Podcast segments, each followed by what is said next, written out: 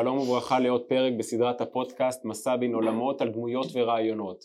אלו שיחות בהם אנו נשוחח עם האדם שאיתנו על השקפת העולם שלו ומה הפך אותו להיות מי שהוא כיום.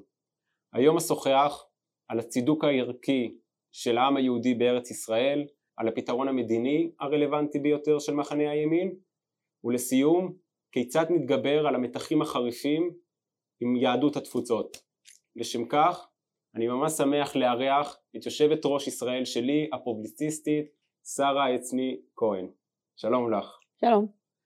אז אה, ממש אה, שמח שהגעת לכאן, ואני רוצה להתחיל דווקא מזה שאת אה, באה ממשפחה מאוד מעורבת פוליטית. כן. סבא שלך הוא אליקים העצני, שככה מראשי ההתיישבות ביהודה ושומרון. אה, אז את כבר נטועה עמוק אה, בימין. כן, פעם הייתי עם, אה, עם איזה שיוט שמאל, הופענו בערוץ הכנסת, אני לא אנקוב בשמו, וישבנו בחדר ההמתנה אחרי האיפור וכל הזה, ואז הוא שואל אותי כמה בני דודים אתם, כמה זה, הוא אומר לי נו ויש מישהו שמאלני? אמרתי לו שלשמחתי כרגע לא. אבל uh, באמת הסיפור שלי הוא, הוא מתחיל במשפחה, כלומר הוא מתחיל במשפחה גם, ו- ומה שאני אומרת הרבה פעמים זה שגדלתי במקום שהוא מאוד uh, מצד אחד מאוד רציונלי, מצד שני מאוד, מאוד מהבטן, מאוד אמוציונלי אולי, כלומר יש פה את השילוב הנכון אני מקווה שהנכון, או מבחינתי הוא הנכון, אני אגיד את זה ככה, ש, של, של ראש ובטן אה, או של ראש ולב. כלומר למה אתה אה, נמצא איפה שאתה נמצא, למה אתה גר בקריית ארבע, למה אתה בכלל נלחם, למה את סופגת את האבנים בדרך הביתה, כלומר באמת את כל, את, את הגידופים, את הקרניים על הראש שכל חיי חיפשו לי, אה, כן אני שם, כלומר אני גדלתי משם, זה עיצב את דמותי אה, ואין ספק שזה גם משפיע על הפעילות שלי עכשיו וגם על הדרך שבה אני מחנכת את, אה, את ילדיי. אה, את אומרת ההשקפה הרציונלית והאמוציונלית וזה מה שבנה בעצם את השקפת העולם שלך. היה מעניין אותי לשמוע מה באמת הטיעון הרציונלי והאמוציונלי של למה אנחנו כאן. כמו שאת אומרת את שילמת מחירים, המשפחה שלך שילמה מחירים, אה, זה לגור כמו שאמרת בקריית ארבע, לספוג אה, אבנים וגידופים, אז מה את עונה לעצמך באמת? למה? טוב, זה, זה, זה ארוך, אבל uh, מי שמאמין ושאנחנו לא סתם כאן, שיש סיבה למה אנחנו נמצאים בשכונה הכי קשוחה בעולם, או אחת הקשוחות בעולם, שיש סיבה למה אנחנו באמת בג'ונגל המזרח תיכוני הזה. כלומר למה לא אוגנדה? למה לא אוגנדה? כי, כי ככה כי אתה בסוף בא ומגיע אה, מתוך אה, מסד ערכי והיסטורי ודתי ו, ומסורתי מורשת אה, שהוא מאוד עשיר הוא מאוד עתיק והוא נטוע גם למי שלא מאמין אחד לאחד ב, אתה יודע, מקיים תרי"ג מצוות או, או מאמין שהכל אה, מלמעלה וכולי וכולי, עדיין יהדות היא לא רק דת, היא גם לאום, וזה מה שמייחד אותנו, זה, לפעמים זה בעוכרינו, לפעמים זה, ב, ב, זה, אבל זה מה שאנחנו, ובסוף אם אתה מאמין שהיהדות היא גם דת, היא, היא, היא גם דת אבל היא גם לאום, אז, אז תל אביב, שהיא העיר העברית הראשונה, אה, אני בחיים לא אגיד את המילים מדינת תל אביב, כי, כי תל אביב היא, היא מהממת, אבל היא כלום, היא כלי ריק בלי ירושלים. בלי חברון, בלי בית אל, בלי, כלומר אני, אני לא מחפשת רק גיאוגרפיה. אם הייתי מחפשת רק גיאוגרפיה, רק אה, מקלט בטוח, אה, לא בטוח שהמקום הזה הוא מקלט בטוח. כלומר, אה, הרבה פעמים, כשאולי נגיע לזה גם בהמשך, אבל הרבה פעמים כשיש חס וחלילה אירועים אנטישמיים או אירועים אה, אה, בעלי אופי לאומני בתפוצות, בחו"ל, אז ונגיד אנחנו מעלים אה, פוסט בישראל שלי ש, שמשתתף ואתה יודע כאילו של סולידריות והרבה מהתגובות הן טוב אז תעשו, תעשו עלייה תבואו לארץ.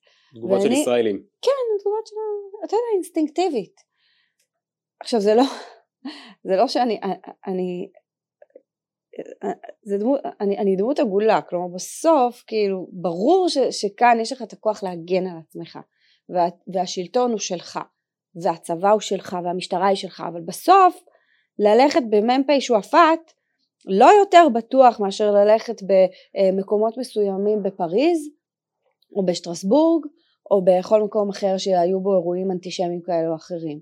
זאת אומרת, בסוף הסיפור שלנו כאן הוא לא רק ביטחוני. ולכן אני לא, הוא, הוא לא רק גיאוגרפי ביטחוני, אלא הוא גם ערכי. ויש סיבה למה אנחנו נמצאים בבית אל, ויש סיבה למה אנחנו נמצאים בעירו של דוד המלך בחברון. נכון, רונן שובל התארח כאן אה, באחד הפרקים והוא הגדיר את מה שאת אומרת, הוא הגדיר את זה כציונות שלילית וציונות חיובית. זאת אומרת הציונות השלילית אומרת אה, שכל הסיבה שאנחנו כאן זה רק כדי אה, להינצל מאירועים אנטישמיים כאלה ואחרים. אבל הציונות החיובית אומרת שלא, יש לנו סיבה אקטיבית למה להיות כאן, יש לנו כאן סיבה ערכית למה להיות כאן. וכמו שאת אומרת זה בגלל המורשת, בגלל שזה חלק מהתרבות, זה הלאום.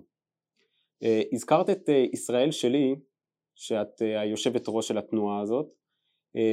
הייתי שמח לשמוע ככה קצת יותר בהרחבה על ישראל שלי, מה הפעילות שלה, מה הנחיצות שלה בשדה הקרב התקשורתי. אז ישראל שלי היא תנועה, היא תנועת רשת, בעיקר תנועת רשת, רשתות חברתיות, היא תנועה לעשייה ציונית ברשתות החברתיות.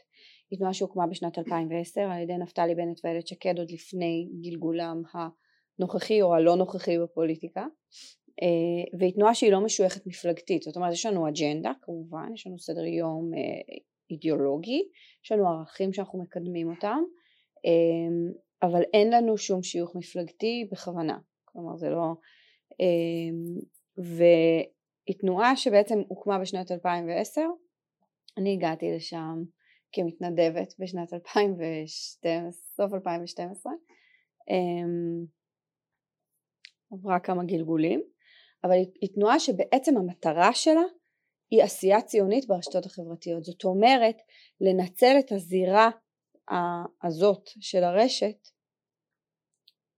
לקידום ערכים, לקידום שיח ולקידום אקטיביזם, לקידום אה, פעילות של אנשים פשוטים בכל רחבי הארץ. אה, אנחנו פונים בעיקר לציבור הישראלים כי כמובן יש לנו גם קהל מחו"ל אה, אבל אנחנו מדברים עברית. אנחנו לא, מדברים עברית גם בשפה וגם במנטליות וגם בנושאים כלומר אנחנו תנועה ישראלית.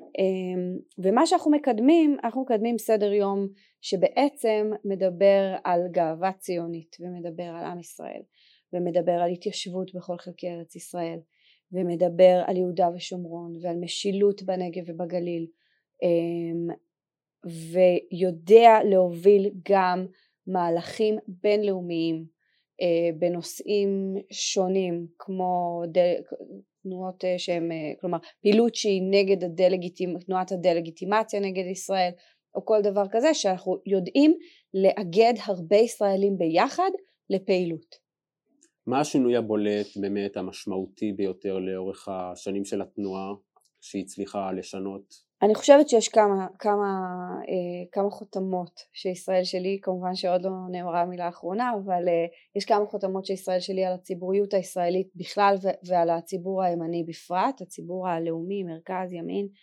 אה, אני חושבת שהדבר הראשון שישראל שלי הייתה, וזה עוד לפני שהגעתי אליה, היא פשוט היוותה פה. לציבור שבמשך שנים מושתק. זה בשנת 2010 שוק התקשורת היה נראה אחרת מאשר היום, אה, הרשתות החברתיות היו הרבה יותר חלשות, אמ, אני לא יודעת אם ישראל היום היה קיים, אבל גם אם כן הוא לא היה כל כך חזק כמו שהוא היום, אמ, כמובן עוד אה, ימנים בתוך התקשורת, ערוץ 20 באופן כללי, וזה בעצם ישראל שלי קמה ואמרה אני רוצה לתת לכם פה. אני רוצה שאם הייתה כתבה שמכפישה אתכם, אתם תמחו עליה ותכתבו אימייל העורך ותפרסמו את האמת. וזה משהו שאני יכולה להגיד לך כמישהי שגדלה בקריית ארבע במשך שנים בשנות ה-80 וה-90 היה פה, זה, זה עולם כה חשוך, באמת שהיה בו רק כלי תקשורת ממשלתיים. כאילו היה את ערוץ אחד שזה רשות השידור ואחר כך הגיעו, נכנסו ערוץ 2 וזה, אבל היה את ערוץ אחד ואולי ערוץ הכנסת, אני לא, גם כן הוא לא היה כה דומיננטי. אה, אז היה את, את רשות השידור, הרדיו היה גם רשות השידור או גלי צה"ל, לא היה שום דבר פרטי, אה, וגם אם היה הוא לא, הוא לא הצליח לעמוד בתחרות המטורפת והלא הוגנת עם גופים ממשלתיים, ובשוק העיתונות היה את ידיעות אחרונות, את מעריב אה, ואת הארץ. זאת אומרת שאחר כך גם אלה היו הגופים החזקים באינטרנט. אה, זאת אומרת ynet זה ידיעות אחרונות ווואלה פעם היה משהו אחר עם איזשהו קשר לארץ. זאת אומרת כי זה היה מעגל סגור. ואז בא, באו הרשתות החברתיות ובאו אה, נפתלי ואיילת אה, עם כל הצוות וכל הרוח הזאת ואמרו חברים יש לנו פה. הפה שלנו הוא לא רק בלא לשלם אגרה או מרד אגרה או לא רק ב- בלמחות על, על בעלות ממשלתית, אלא גם בלהגיד מה שאנחנו חושבים ולמחות על הכפשות וכולי. אז הדבר הראשון שישראל שלי עשתה זה לתת פה לציבור מושתק. לציבור מושתק שבמשך שנים דרכו עליו. דרכו עליו בתקשורת. אני זוכרת ש, שבאמת זה מה שהיה לראות, מה תעשה? יש לך את ערוץ אחד, מה תעשה? זה מה יש. אחר כך נוסף ערוץ 2. המקסימום שהיה אפשר לצפות בטלוויזיה ולהתעצבן בכוח. ולקלל, מה, מה עוד אתה יכול לעשות? כמו שאתה יושב וצופה במשחק כדורגל ואתה יודע להגיד איזה, אין לך מה לעשות. ו, וזו הרגשה נוראית. לא, באמת, זו הרגשה שסותמים לך את הפה, כאילו מדירים אותך, אתה עובר אירועים שלא אכפת לאף אחד. היום, אם חס וחלילה זורקים עליי אבן כשאני נוסעת לאירועים שלי קריית ארבע, אז לפחות אני יכולה לכתוב על זה ברשת, ולהפוך את הפוסט הזה לוויראלי. אז גם לא היה את זה. כאילו, דבר ללמפה, אין לך עם מי לדבר. עכשיו, והיו, זה, אלה היו ימי אוסלו, ימים מאוד מאוד קשים, ואחר כך ימי פיגועים אה, מאוד מאוד קשים, ובעצם אני חושבת שהדבר שישראל שלי עשתה זה לתת פה ולתת כלים לאותו ציבור שבמשך שנים היה מושתק, לתת לו במה שהיא במה אלקטרונית ברשת אה, וגם קשר אחד עם השני, ליצור מעין קהילה. זה היה הדבר, זה הדבר הראשון שאני חושבת שישראל שלי באמת יש איזושהי חותמת על, ה, על המציאות כאן והדבר השני זה הסיפור, הסיפור המדיני. אני חושבת שבאמת אה, זה, זה, זה דבר, אנחנו עשינו ועידה לפני, בכ"ט בנובמבר 2018. בכוונה בחרנו את כ"ט בנובמבר אה, וקראנו לוועידת האינטרס הישראלי, כשחשיבה חדשה על סכסוך ישן. כשהמטרה הייתה בואו נדבר על האופק, בואו נדבר על אלטרנטיבות מדיניות, בואו נתחיל להגיד מה כן ולא רק מה לא. אפשר גם להגיד מה לא, אבל, אבל לצד זה אנחנו חייבים להתחיל לפתח את, ה, את, ה, את החלק הבונה. כשאת אומרת אנחנו את מתכוונת למחנה המרכז ימין. כן. שתמיד הוא רק הגיב. זאת אומרת תמיד השמאל הוא זה ששלט בתוכניות פעם, אה, המדיניות. כן, שאל אותי פעם איזה עיתונאי אוסטרלי, אה, שאל אותי פעם אה, איפה היה הימין עד עכשיו, למה כאילו הוא לא הציב אג'נדה חיובית. אמרתי לו תקשיב,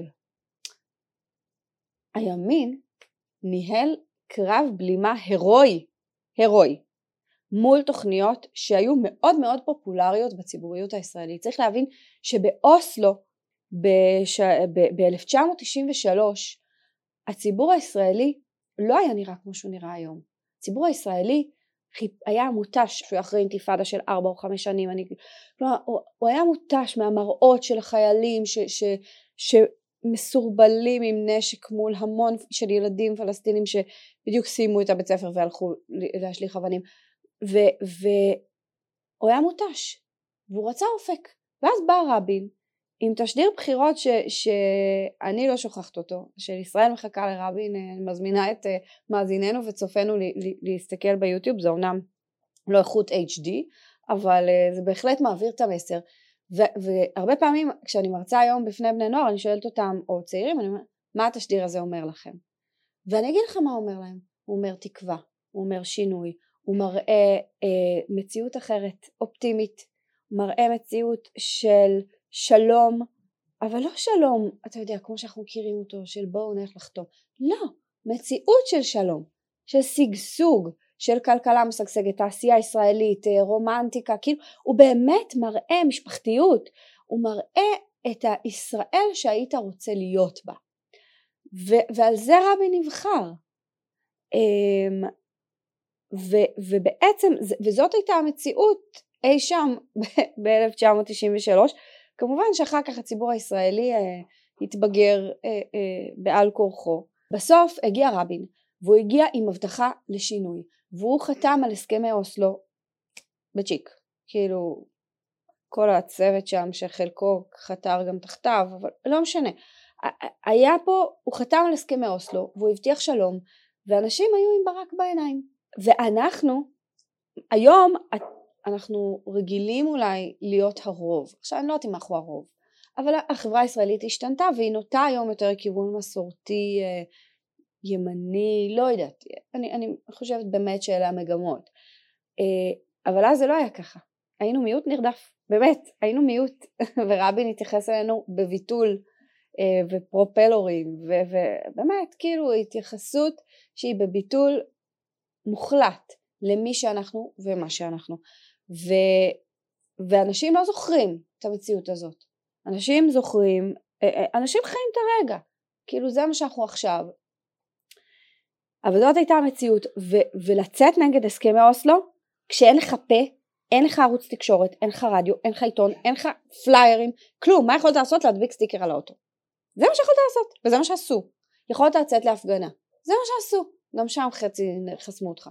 אבל בסוף זה היה קרב בלימה, הירואי, הירואי, נגד הסכמים שעד היום אנחנו אוכלים את, את הקש שהם מאכילים אותנו, הסכמי אוסלו.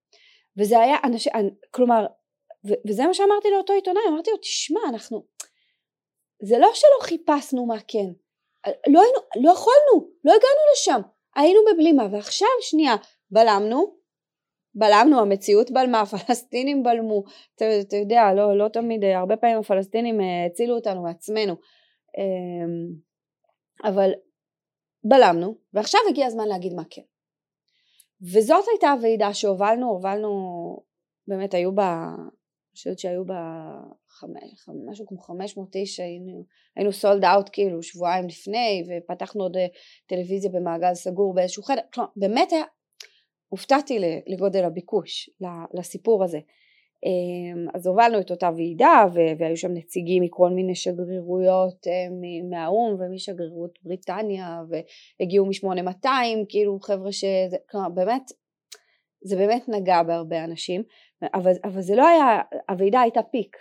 אבל קדמה לזה העבודה ש, שאני עשיתי גם באופן אישי במקור ראשון של מעין מסע אידיאולוגי, מסע ערכי למה מה הפתרון של הימין, אני לא אוהבת את המילה פתרון, אבל מה התוכניות המדיניות של הימין. למה את לא אוהבת את אה, המילה פתרון? כי את חושבת כי... שלא יהיה פתרון? כי פתרון מוכר לך אשליה. כאילו, אני לא בטוחה שיש פתרון לסכסוך הזה. זה סכסוך עמוק ויש בו אלמנטים של דת ויש בו אלמנטים לאומיים ויש בו אלמנטים טריטוריאליים כלומר זה לא, אני לא בטוחה שיש פתרון עכשיו פתרון מה זה פתרון? אחד ועוד אחד שווה שתיים. נכון? פתרון. פתרון זה הייתי רעבה ואכלתי. כלומר זה משהו שנותן לך מענה שלם למה שאתה צריך. ואני לא בטוחה שכאן יש מענה שלם למה שאנחנו ושכנינו צריכים או רוצים או שואפים. ולכן אני חושבת שלדבר על פתרון זה קצת מוכר אשליה. אז לפ... אני, אני משתמשת בטרמינולוגיה הזו מכורח הרבה פעמים אבל אני גם דואגת לסייג את עצמי. כלומר שגם אם יש פתרון הוא לא מושלם.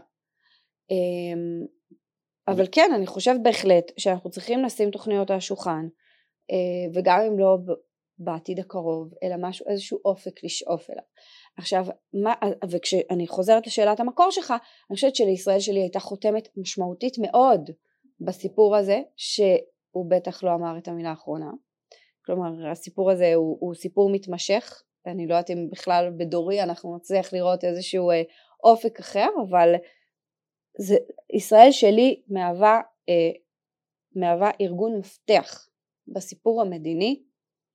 אני אישית מוזמנת להרצות בהרבה מאוד מקומות, בדיוק פנו אליי גם מהתאגיד, הם עושים סדרה על כל הסיפור ואני אומרת, הצלחנו למצב את עצמנו אבל זה לא מתוך מקום שרצינו למצב את עצמנו, באמת רצינו לתת מענה לסוגיה.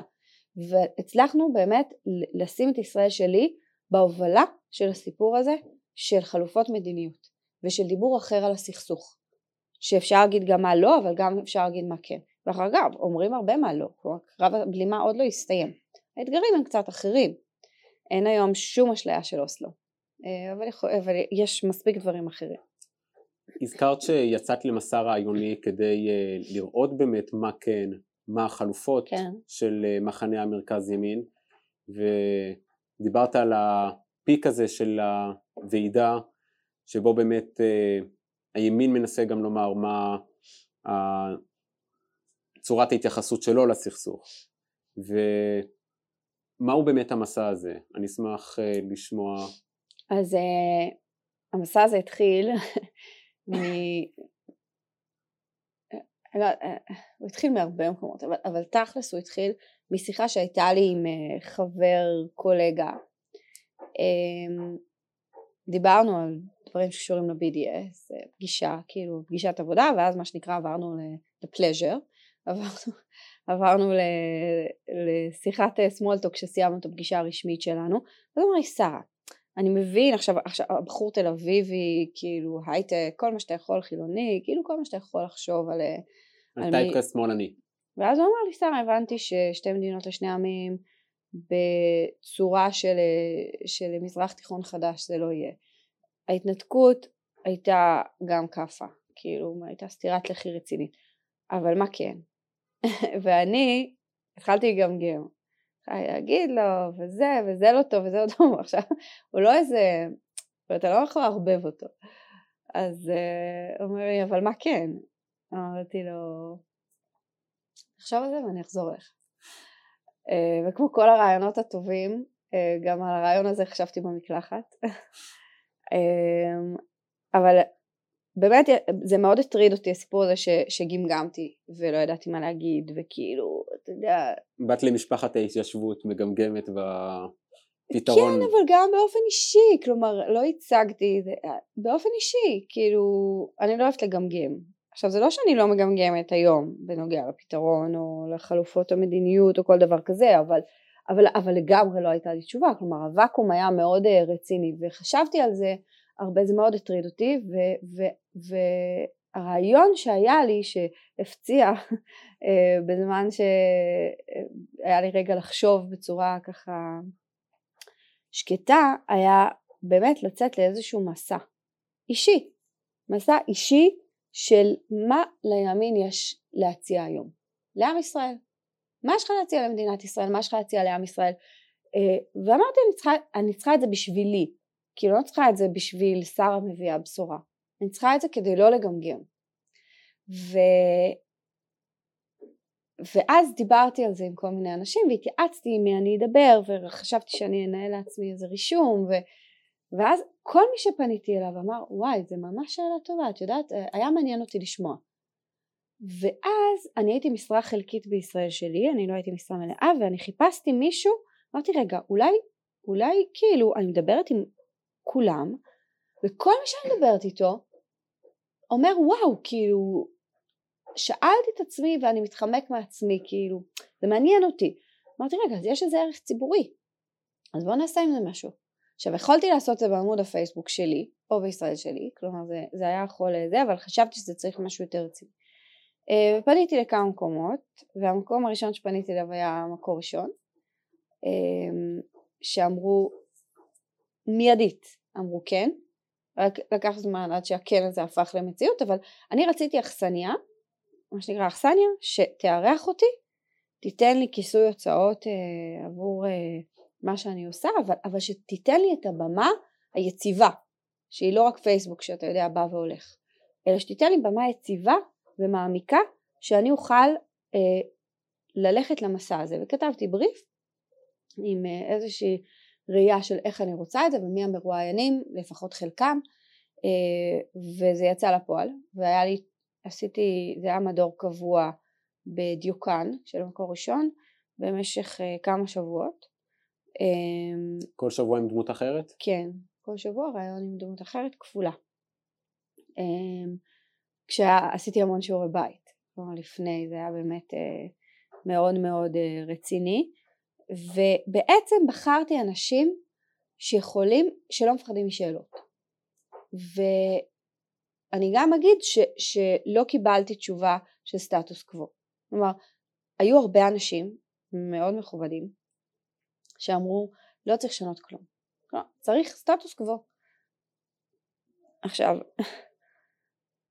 א', אני לא בטוחה שסטטוס קוו קיים, כמי שמכירה את השטח, הסטטוס קוו משתנה כל הזמן, בין אם זה בשטחי C ובין אם זה אה, בתוך הערים הערביות, כלומר בין אם זה בחירות ברשות, כלומר זה, זה, זה, אין דבר כזה, אתה לא יכול לבנות על זה, זה דבר ראשון. דבר שני, אני לא חושבת שסטטוס קוו, סטטוס קוו זה, זה, זה מיקרו טקטיקה, כאילו זה לא אסטרטגיה, ו, ובסוף כשאתה כל היום אומר סטטוס קוו, סטטוס קוו, סטטוס קוו, אז יבוא מישהו משמאל ויגיד רגע, אבל הסטטוס קוו הוא לא מושלם, לי יש פתרון מושלם, מהו? היפרדות. ואז זהו, איבדנו את זה. כלומר, אם אתה לא מציע אופק חיובי, אז אתה פשוט לא, אתה, אתה לא תצליח להנהיג, אתה לא תצליח להוביל, אתה צריך לתת אופק לאנשים שחיים פה, ומגדלים פה את הילדים שלהם, ורואים את העתיד שלהם ושל צאצאיהם פה, אתה צריך לתת איזשהו אופק. אה, אופק למתיישבים שיהיה להם... אה, לא למתיישבים, גם למי שגר בפתח תקווה, ושולח את הבן שלו לצבא, ורוצה לבקר באריאל, ואכפת לו מזה ש, שיהיה לו שלום וביטחון, והוא מבקר אה, בכותל, וחילוני, דתי, לא משנה, כאילו, אתה צריך לתת לאנשים אופק. לא רק למי שגר בקריית ארבע. מי שגר בקריית ארבע בסדר, זה יותר מה שנקרא אה, אני... למתקדמים, אבל... אה, אופק בעיקר מבחינה ביטחונית שהאזרחים ירגישו בטוחים? לא, אה, ביטחוני אתה יכול גם לשים כיבת ברזל. אז כשאת אומרת אופק, על איזה בעיה אנחנו מדברים שבשבילה אנחנו צריכים אופק? יש את הסכסוך, יש פה סכסוך. אני חושב שברוב הישראלים הסכסוך לא נוגע. זאת אומרת, האנשים שיגידו סטטוס קוו, זה אנשים שאומרים, אוקיי, יש איזה סכסוך, אני מרגיש בטוח, אני... אני, אני מסכימה שכיום הסכסוך לא תופס את uh, מה שנקרא uh, first priority בבחירות. מסכימה, יש קורונה, יש כלכלה, יש כן ביבי, לא ביבי, כלומר, דברים מאוד חשובים, כן? Uh, לא, אני אומרת באמת, בסוף כאילו, יש דת ומדינה. היום אני מסכימה שזה לא מה שתופס את העדיפות הראשונה. אני כן יודעת שזה משהו שקיים, והוא מבעבע, וגם אם הוא לא הר געש מתפוצץ עכשיו, אז אנחנו לא ננהל, הראייה שלי ארוכה, לפחות אני משתדלת שהיא תהיה ארוכת טווח.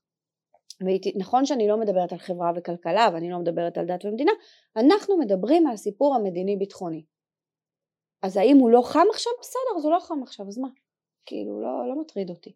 מטריד, אני כן יודעת שבסוף אנשים אה, כן רוצים איזשהו אופק מדיני, אה, ואם לא עכשיו אז אולי אחר כך, ואני חושבת שאם אנחנו לא נעשה את זה, אוהבי הארץ, אה, או, או אני לא רוצה להגיד את מי ש...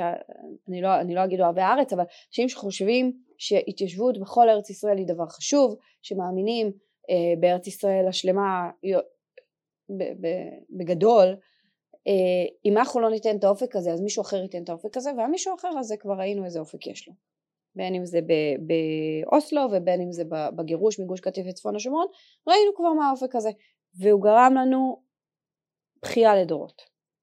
אז מהו באמת האופק שניתן להציע? לאיזה פתרון הגעת בסוף המסע? הפתרון הרלוונטי ביותר שנראה לך? אני לא אעשה חיים קלים. הסכסוך אין... הוא לא קל. נכון. אה, כי אין בסוף, תשאל את שרה מה הפתרון האידיאלי, אני אגיד לך, אני לא יודעת מה הפתרון האידיאלי, אני יודעת מה הכיוון. אוקיי? עכשיו מה שעשיתי בתוך אסופת הראיונות הזו זה לקחת סל גדול ולשים באמצע השולחן ולהגיד אוקיי תזרקו רעיונות. הרעיונות שלכם צריכים לגעת ב, אה, בהיבטים ביטחוניים בהיבטים גיאוגרפיים בהיבטים של אה, לאומי, ש, של זכויות אדם וזכויות אזרח אה, של זכויות לאומיות. כלומר של הקהילה הבינלאומית. אני בסוף ההיבטים האלה אתה חייב לגעת בכל ההיבטים או ב-95% מהם, אתה לא חייב, אה, אני אגיד, אני שמתי את הסל ואמרתי מה הקריטריונים של הכניסה לסל, ובסוף אלה היו הקריטריונים. עכשיו האם כל אחד הוא ריאלי או לא ריאלי? לא יודעת. האם אי פעם חשבנו שיגיע נשיא כמו טראמפ ויעשה פתאום במשך שנים מכרו לנו את הקונספציה המעוותת שמדינות ערב לא ייגעו בישראל בלי פתרון מלא של הסכסוך אה, אה, עם הפלסטינים ואז הגיע נשיא אה, אחר בבית הלבן שלצערנו הוא כבר לא שם ועשה מזרח תיכון חדש בלי בכלל כל הקונספציות הישנות. זאת אומרת אמרתי לאנשים תחלמו. עכשיו בתוך החלומות האלה אני יכולה להגיד לך בסוף מה הכיוון. בסדר? אז, אז אני מציירת את זה מאוד אה, זה אבל, אבל דמיינו ש, שאתם אה, אה, שמים ווייז ובתוך הווייז אחרי שאתם משקרים שאתם לא הנהג אה, אתם שמים את ה destination מה היעד שלכם ואחר כך יש לכם את ה routes את, את המסלולים אה, ופעם ה destination, היעד שכל מי שהיה במעצבי המדיניות בישראל היה שתי מדינות לשני עמים, אוקיי? ואז היו שני מסלולים. המסלול הראשון אמר יש פרטנר, יש פרטנר ולכן מה? משא ומתן. אז הנסיגה, אנחנו נשיג שתי מדינות לשני עמים, נגיע לשם באמצעות נסיגה לקווי 67, כן גושים, לא גושים, מה זה גוש בכלל? נגיע לשם על ידי משא ומתן ועל ידי האמונה העיוורת והתמימה שיש פרטנר. וזה עלה לנו בדם. וכל שנות התשעים מדברות את הסיפור הזה של הפרטנר. ואנחנו אכלנו מזה מרורים ואז באה גישה אחרת ואמרה אה, אנחנו נגיע לאותו יעד של שתי מדינות לשני עמים דרך מסלול אחר. את הנסיגה והיצירה של אותה מדינה פלסטינית אנחנו נעשה באמצע, באמצעות, אה, מכיוון שאין פרטנר, ראינו נכון? מסלול ראשון הגענו ל dead end. המסלול השני זה שאין פרטנר, אבל היעד שלנו עדיין נשאר אותו שתי מדינות לשני עמים, ולכן אנחנו נעשה נסיגה חד צדדית. וזה מה שקרה בשנת 2005 וחס וחלילה עוד היה לאולמרט עוד כל מיני תוכניות לעשות התכנסות גם ב, אה, ביהודה ושומרון. בשנת 2005 עם הגירוש מגוש קטיף וצפון השומרון. זה מה שהיה אה, היעד של אריאל שרון אה, ואחר כך של ממשיכו אולמרט. עכשיו מה שקרה זה שהטילים היום זה לא שלא היו טילים לפני מעזה הטילים היום לא מגיעים רק לשדרות אלא מקים, כמעט משביתים את האירוויזיון בתל אביב. עכשיו האם אם לא היינו נסוגים מעזה האם היינו האם המציאות הייתה אחרת אני יכולה להניח שכן. למה אני יכולה להניח שכן? כי עובדה שביהודה ושומרון אנחנו שולטים. ואין את התופעות האלה. ואת הטילים תופסים עוד במעבדות שחושבים עליהם שתודה לאל יש לך מספיק נוכחות בשטח ביטחונית ומספיק עבודת מודיעין ורקע שאתה יכול לעצור את התוכניות הנוראיות האלה עוד לפני שהן נולדות זאת אומרת, יש לי, אני לא יודעת אם המצב בעזה היה אחרת, אני כן יודעת שכשאתה שולט בשטח, אז המצב הוא אחר. עכשיו, אז אלה היו שני המסלולים. המסלול הראשון אמר, יש פרטנר, ולכן אנחנו נעשה את זה באמצעות נסיגה על ידי משא ומתן, והשני אמר אין פרטנר ואנחנו נעשה את זה חד צדדית ו- ו- וזהו. כלומר נסיגה, זבנג וגמרנו, נשים, אה, נכון, ננעל, נשים חומה, נבנה חומה למטה, נעשה כיפת ברזל, כל הטריקים המדהימים ש, שמדינת ההייטק והסייבר והסטארט-אפ יודעת להמציא. ו, ו, אבל הציבור ראה שההתנתקות היא לא איזה סיפור הצלחה מטורף. גם אלה שעדיין חושבים שזה רעיון טוב, הצ... הם, הוא לא, זה, זה לא איזה דגם ש, שרוצים לשכפל אותו ביהודה ושומרון. אנשים יודעים, או חלקם יודעים, שקלקיליה היא קילומטר וחצי מכפר סבא. כשאתה נוסע בכביש 6 אתה מסתכל ואתה רואה את דגל אש"ף הענק שמבצבץ מטר ממך. זאת אומרת, ואז חל שינוי. עכשיו זה שינוי הדרגתי, מאתגר, אמ, שעוד דינמי. והשינוי הוא, במקום נסיגות, אנחנו שמים ב, ב, ביעד שלנו את המילה ריבונות. עכשיו, ריבונות זה קשה. ריבונות על איפה? על כל... או, ריבונות זה קשה. כי אתה צריך להחליט איפה אתה מכיל ריבונות. ריבונות זה אחריות. זה אחריות מדינתית, זה אחריות לאומית, זה אחריות ביטחונית, זה אחריות, זה אחריות על אנשים. איפה אתה מכיל את הריבונות שלך? אני רק אומרת רגע, לפני שאנחנו מגיעים לשאלות הבאמת קשות, מה הכיוון? עכשיו היה סקר של, אה, של המכון הישראלי לדמוקרטיה, האם אתה בעד החלת ריבונות בשטחי C? 48 אחוז אמרו כן לריבונות. עכשיו האם כל מי שנשאל יודע בדיוק מה זה שטחי C, איפה עובר, מה עובר, כאילו, לא. אבל מה זה מראה לך? שהסנטימנט של מי שענה לשאלה הזאת הוא ריבונות. ולא רק זה, 48 אחוז. מי חלם אז בכיתה? אני מדור אוסלו. אנחנו היינו פרומיל מהאוכלוסייה. והיום אנחנו ב-48 אחוז. ואם אני יכולה לנחש אז גם יותר. אם נדע להוביל את זה בצורה נכונה ואחראית, אז גם יותר. עכשיו ת, תראה את כל השיח שהיה סביב הבחירות, גם השניות וגם השלישיות. היה לא כל השיח, אבל חלק מהשיח נגע להיבט המדיני. המדיני כשביבי רצה לזכות בבייס, והבייס של ביבי הוא עצום, כשהוא רצה לזכות באהדת הבייס, הוא הלך לפגוש את העיתונות ואמר אני אחיל ריבונות על, בקעת, על, על היישובים הישראלים. ולפני הבחירות השלישיות הוא אמר, כבר לא זוכרת, בסדר, אחת ממערכות הבחירות הנוספות, הוא, הוא הציג את, את הסיפור של החלת ריבונות על בקעת הירדן לפי תוכנית, כי לא, לא, לא רצועה, בקעת הירדן, כלומר משהו אה, אה, מאוד אה, בואכה תוכנית אלון, כאילו, ולמה הוא אמר את זה? זה היה רגע לפני הבחירות, כי הוא ידע שזה יכול להיות שגם תפיסת עולם, בסדר? אבל בסוף זה היה גם כלי בדעת הקהל לגייס את הבייס. ו- וזה אומר שזה נותן לך אינדיקציה. ו- ואז אני אומרת, הכיוון הוא ריבונות, ועכשיו תיקח את הסיפור הזה של ריבונות, אני אומרת בוא נשים את היד, עכשיו בוא נמצא את, את המסלול. אה, מה המסלול שלך? האם המסלול שלך אומר רק ההתיישבות הישראלית ובקעת הירדן כמו שאמרה תוכנית טראמפ? האם המסלול שלך אומר אה, שטחי C, האם המסלול שלך אומר, מה הוא אומר? בוא, בוא נראה, בוא נראה ובוא נעשה. כלומר, אבל, אבל זה, זה הכיוון, אם פעם הכיוון היה שתי מדינות לשני עמים, אה, רק צריך למצוא איך, היום הכיוון הוא ריבונות ורק צריך למצוא איך. וזה קשה, אני לא, אני לא מתיימרת לחשוב שזה, שזה קל, זה קשה, ויש אתגרים, אבל זה הכיוון, הוא הכיוון הנכון, גם מבחינה ערכית וגם מבחינה ביטחונית. את אומרת את זה שיש באמת את ה-48% בציבור היהודי שבעד החלת הריבונות ואת קישרת את זה לזה שאת אומרת הסנטימנט של הציבור הישראלי הוא הפך להיות משהו אה, יותר חיובי, יותר אה, מסורתי, יותר אה, לאומי אולי אפשר לקרוא לזה ואני רוצה לקשר את זה לסוגיה שנגעת בזה בעבר אה, וזה היחס ליהודי התפוצות. זאת okay. אוקיי. אומרת, אם אנחנו ניקח את מה שאת עכשיו אומרת, על זה שיש איזושהי מגמה בחברה הישראלית, שבו זזים יותר ימינה, בכיוון יותר שמרני ולאומי, אצל יהודי התפוצות בארצות הברית אנחנו רואים מגמה בדיוק הפוכה. כן. שלכיוון יותר ליברלי, לכיוון יותר, חלקם אפילו פרוגרסיביים, והקשר שלהם למדינת ישראל והקשר שלהם בכלל להיסטוריה ולמורשת היהודית הולכת ומתרחקת.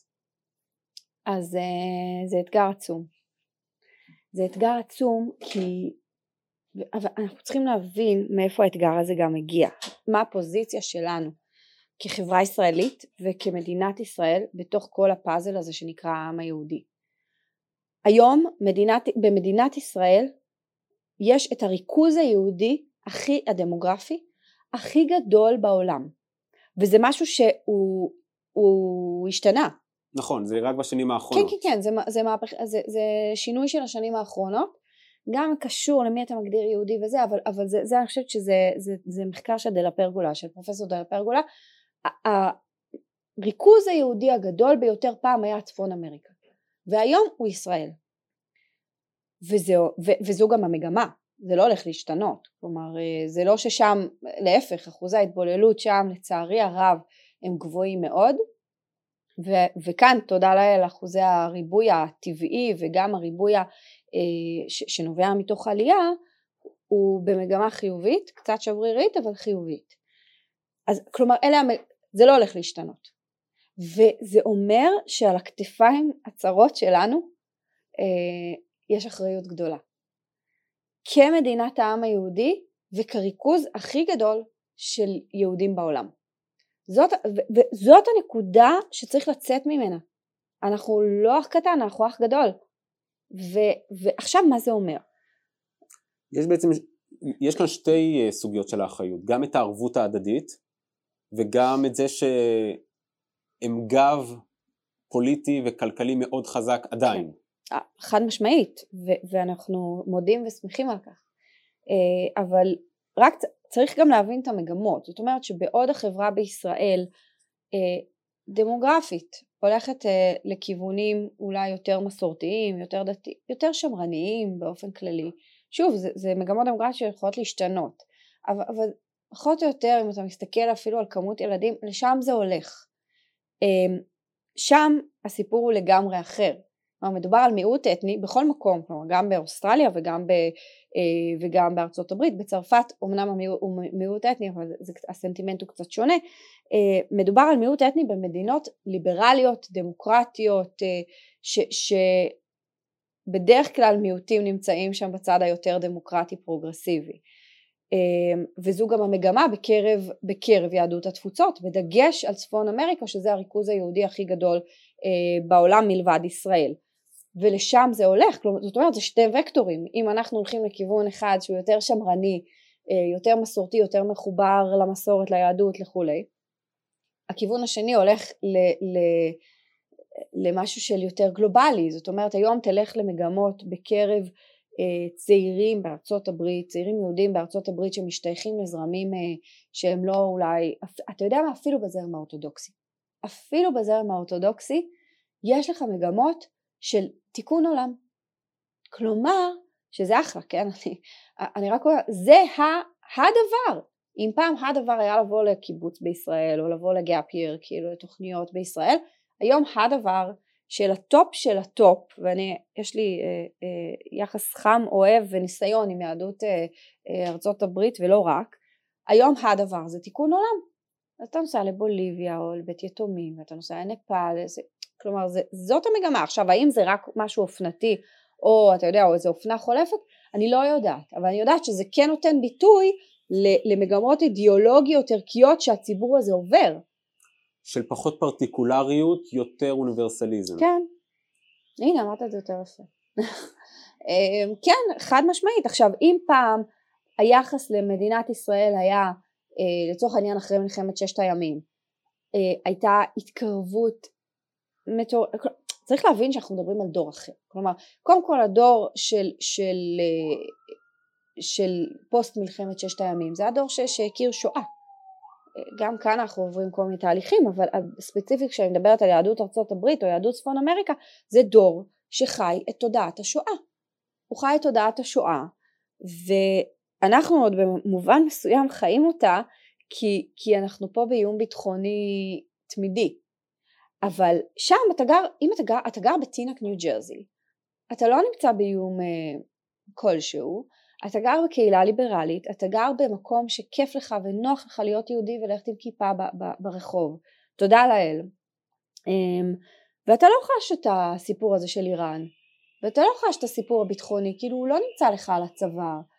ומה שקורה זה ש, שבאמת אותו ציבור, אם פעם היה עוד את הסיפור של מלחמת ששת הימים ואת הסיפור של אתה יודע, היה, היה את ההרגשה הנוראית לפני ששת הימים ש, שמדינת ישראל הולכת להיעלם ואז הניצחון הגדול והחיבור הגדול וגלי העלייה לישראל מארצות הברית. אז היום זה לא ככה זהו זה, זה מדינת ישראל היא לא דוד היא גוליית. זה הסיפור. אם אנחנו עדיין רואים את עצמנו כדוד דוד חזק אבל כדוד הם רואים אותנו כגוליית. גם מול הפלסטינים וגם מול אה, לא יודעת, אוכלוסיות כמו מסתננים או כל דבר כזה, וכל הזמן היחס לזר והיחס לגר והיחס ל... כלומר, כל הזמן זה הסיפור הזה של זכויות אדם, ואתה רואה את זה גם בתוך קהילות שלהם, אבל פה זה מקבל ביטוי שהוא ביטוי אקטואלי על חיינו. שלכן הם מרגישים פחות מחוברים. כן. אז שאלה היא מה ניתן זה לעשות. זה לא רק זה, זה גם כיוון של דת ומדינה. זה פחות התחום שאני עוסקת בו אבל גיורים, אה, הכרה בגיורים אה, של זרמים אחרים? כן. לא אורתודוקסים? הכרה בגיורים של זרמים אחרים, הסיפור של מתווה הכותל, הסיפור של, כן, הסיפור הזה של את מי אתה מקבל, את מי מדינת ישראל מקבלת, את מי היא לא מקבלת, גם אם אתה לא מקפיד על, לצורך העניין אתה משתייך לקהילה רפורמית, אתה לא מקפיד, אני יודעת מה, מה שרבנים רפורמים מקפידים, אתה עדיין מזדהה עם הזרם הרפורמי. ובישראל רפורמי זה מילה כמעט גסה. עכשיו זה באמת אה, אתגר רציני. זאת אומרת מצד אחד יש את, ה, את ההלכה. אני מדבר עכשיו על, ה, על ההסתכלות של ה, להחליט למשל על גיורים. זה משהו, זה פיל שבחדר. זאת אומרת יש מצד אחד את, ה, את ההלכה על שיהודי זה מי שיש לו אימא יהודייה, מצד שני, אה, מהניסיון שלי בכל אופן בארצות הברית, הרפורמים די, הרפורמים נפגעים כשמזהים אותם כלא יהודים. נכון. זאת, זאת אומרת, אה, הם אוהבים את ישראל, אני לא, בניגוד אה, אולי לסטיגמה שיש של הדור הקודם של הרפורמים, אבל היום יש הרבה רפורמים שהם רואים את עצמם חלק מהעם היהודי, הם רואים את עצמם בזה שהם תומכים במדינת ישראל, זה חשוב להם וזה באמת אתגר, זאת אומרת זה מתח שלא ניתן... אה, ת, תיקח את אייפאק, אייפאק היא רובה קונסרבטיביים ורפורמים. ש... זה לא, אנחנו לא רואים את זה מנקודת המבט קטנה שלנו, אבל אייפאק מורכבת ברובה מקונסרבטיביים ורפורמים. וצריך לזכור שזה הלובי השני המשפיע ביותר בארצות הברית, אחרי לובי הנשק. זהו, רציתי לשאול מה הלובי הראשון, אבל סבבה. בטח ובטח הכי משפיע על הסיפור שלנו. זהו, אז אי אפשר לוותר עליהם. מצד שני, כמו, ש...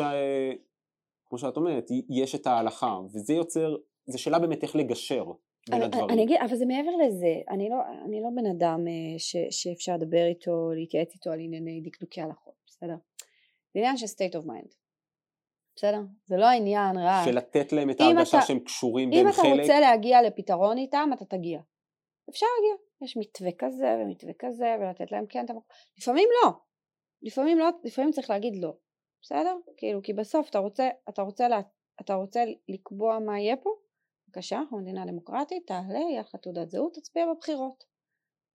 זה באמת בסוף, כאילו בסוף אין מה לעשות, כאילו אתה רוצה להצביע, אתה, אתה רוצה להשפיע על מה שקורה פה, אתה צריך להיות פה, אין מה לעשות, ככה, ככה בנויה דמוקרטיה. ו, ואני גם אומרת להם את זה, כלומר אתם, אתם לא רוצים שאני אשפיע על החיים שלכם שם, נכון? אז תבינו.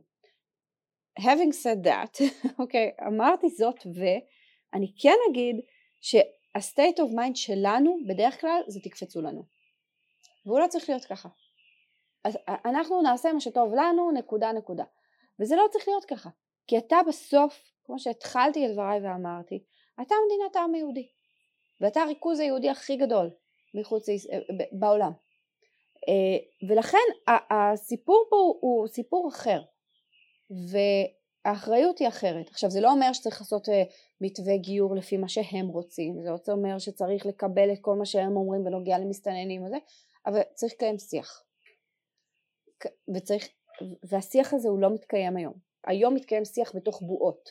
אנחנו מדברים, הציבור הישראלי מדבר בתוכו ומה שהוא רוצה לשמוע מיהדות התפוצות הרבה פעמים זה מה שאומרים אה, אה, גורמים פרו-ישראלים אורתודוקסים הרבה פעמים ואיתם, אם כבר הוא מקיים שיח זה, זה איתם ומצד שני יש לך את, את, ה, את יהדות התפוצות זה, זה קצת אמירה כוללנית אבל לצורך העניין קבוצות שכן מנהלות שיח כשהן משויכות לזרמים יותר ליברלים פרוגרסיביים, הם לא מדברים איתי. אני על את עיניו. הם לא מדברים איתי. הם מדברים עם מי שנוח להם לשמוע. היה פעם איזה, היה פעם אה, לפני שנתיים, שלוש, משהו כזה, היה את ה-GA, שזה אחת הוועידות היותר גדולות של היהדות צפון אמריקה, וזה, זה, אם אני לא טועה, זה שנה אחת בישראל ושנה אחת בארצות הברית, וזה היה בתל אביב. וה... הסלוגן שלהם הם שמו על כל האזור בגני התערוכה הם שמו סלוגן של אה, let's talk בוא נדבר ואת מי הם הביאו לדבר? או את מי שהם רצו אז הייתה שם סתיו שפיר והייתה שם תמר זנדברג והיו שם רבי כל מיני חבר'ה גלעד אני, אני לא, לא זוכרת עוד שמות אבל רק שמאל דתי ומדיני. ואז הביאו כמה עלי תאנה, אז הביאו אם אני לא טועה את סמוטריץ', הביאו כאילו, דני דיין, אתה יודע אנשים שכאילו, אני, אני לא זוכרת שמות, אבל בקושי את מי שהם לא רצו לשמוע והמון את מי שהם כן רצו לשמוע והם קראו לזה בואו נדבר. זה, זה חרטא, אתה מבין? לכן אני אומרת, השיח מתקיים בבועות, הוא לא מתקיים באמת. ואז מביאים אותי לפעמים לאיזה עלי תאנה, מביאים את דלי דיין כי קל להם לבלוע אותו, כאילו, אבל זה לא... אז כשאת נפגשת איתם, מה את אומרת להם? זאת אומרת, מה, איפה, הסיפור, איפה החלק שלהם בשיקום היחסים האלו בין ישראל לקהילות שלהם? יש להם חלק עצום. החלק הראשון הוא להיות בקשר. כי מה שקורה היום, שגם אלה שמדברים, לצורך העניין, אם דומים להם, לפחות הם מדברים. כלומר, היום כשאתה מסתכל על יהדות צפון אמריקה, בכלל על, על יהדות העולם, הבעיה הכי גדולה שלנו היא, היא לא בהכרח עם אלה שמבקרים אותנו, הבעיה הכי גדולה שלנו עם אלה שנעלמים, והם נעלמים, כי לפחות אם מישהו מבקר אותך, אתה יודע שאכפת לו, או שהוא עושה כאילו שאכפת לו, אבל לפחות הוא קיים, והבעיה שלנו היא, היא עם אנשים שהם unaffiliated, הם לא, הם פשוט לא שם. אמ, ואף אחד לא יודע איך להגיע אליהם. גם הקהילות בעצמן בארצות הברית נאבקות עם זה מאוד. אני, אני אומרת להם, קודם כל שלא יוותרו. לא, כלומר, שלא יוותרו על הקשר. אני לא מוותרת. קשה לי, ואני לא מוותרת. קשה לי לשמוע אותם מדברים ככה ליהודה ושומרון, קשה לי שהם, שחלקם תומכים בהסכם הגרעין עם איראן, קשה לי עם הרבה דברים. אבל אני לא מוותרת. ו- ואני דורשת מהם לא לוותר. זה דבר ראשון. אתם רוצים לוותר, תוותרו, אבל, אבל בסוף כאילו, ז, זאת הדרישה הראשונה שלי מהם. והדרישה השנייה שלי מהם, או הבקשה, היא ש, ש, שצריך, הם צריכים להכיל, הם, הם מחשיבים עצמם כליברלים פלורליסטים טה הם צריכים לדעת להכיל דעות אחרות גם בישראל. ואז אני מביאה להם את הסיפור שלי, את הפרספקטיבה שלי, את, את, את תפיסת העולם שלי, כמה זמן שיש לנו. Mm. אבל, אבל זאת הדרישה הראשונה שלי היא ש, שיהיו בקשר ושלא יוותרו על הקשר הזה כי, כי אנחנו לא מוותרים והדרישה השנייה שלי היא שישמעו גם מי שלא עושה להם נעים בגב. Hmm.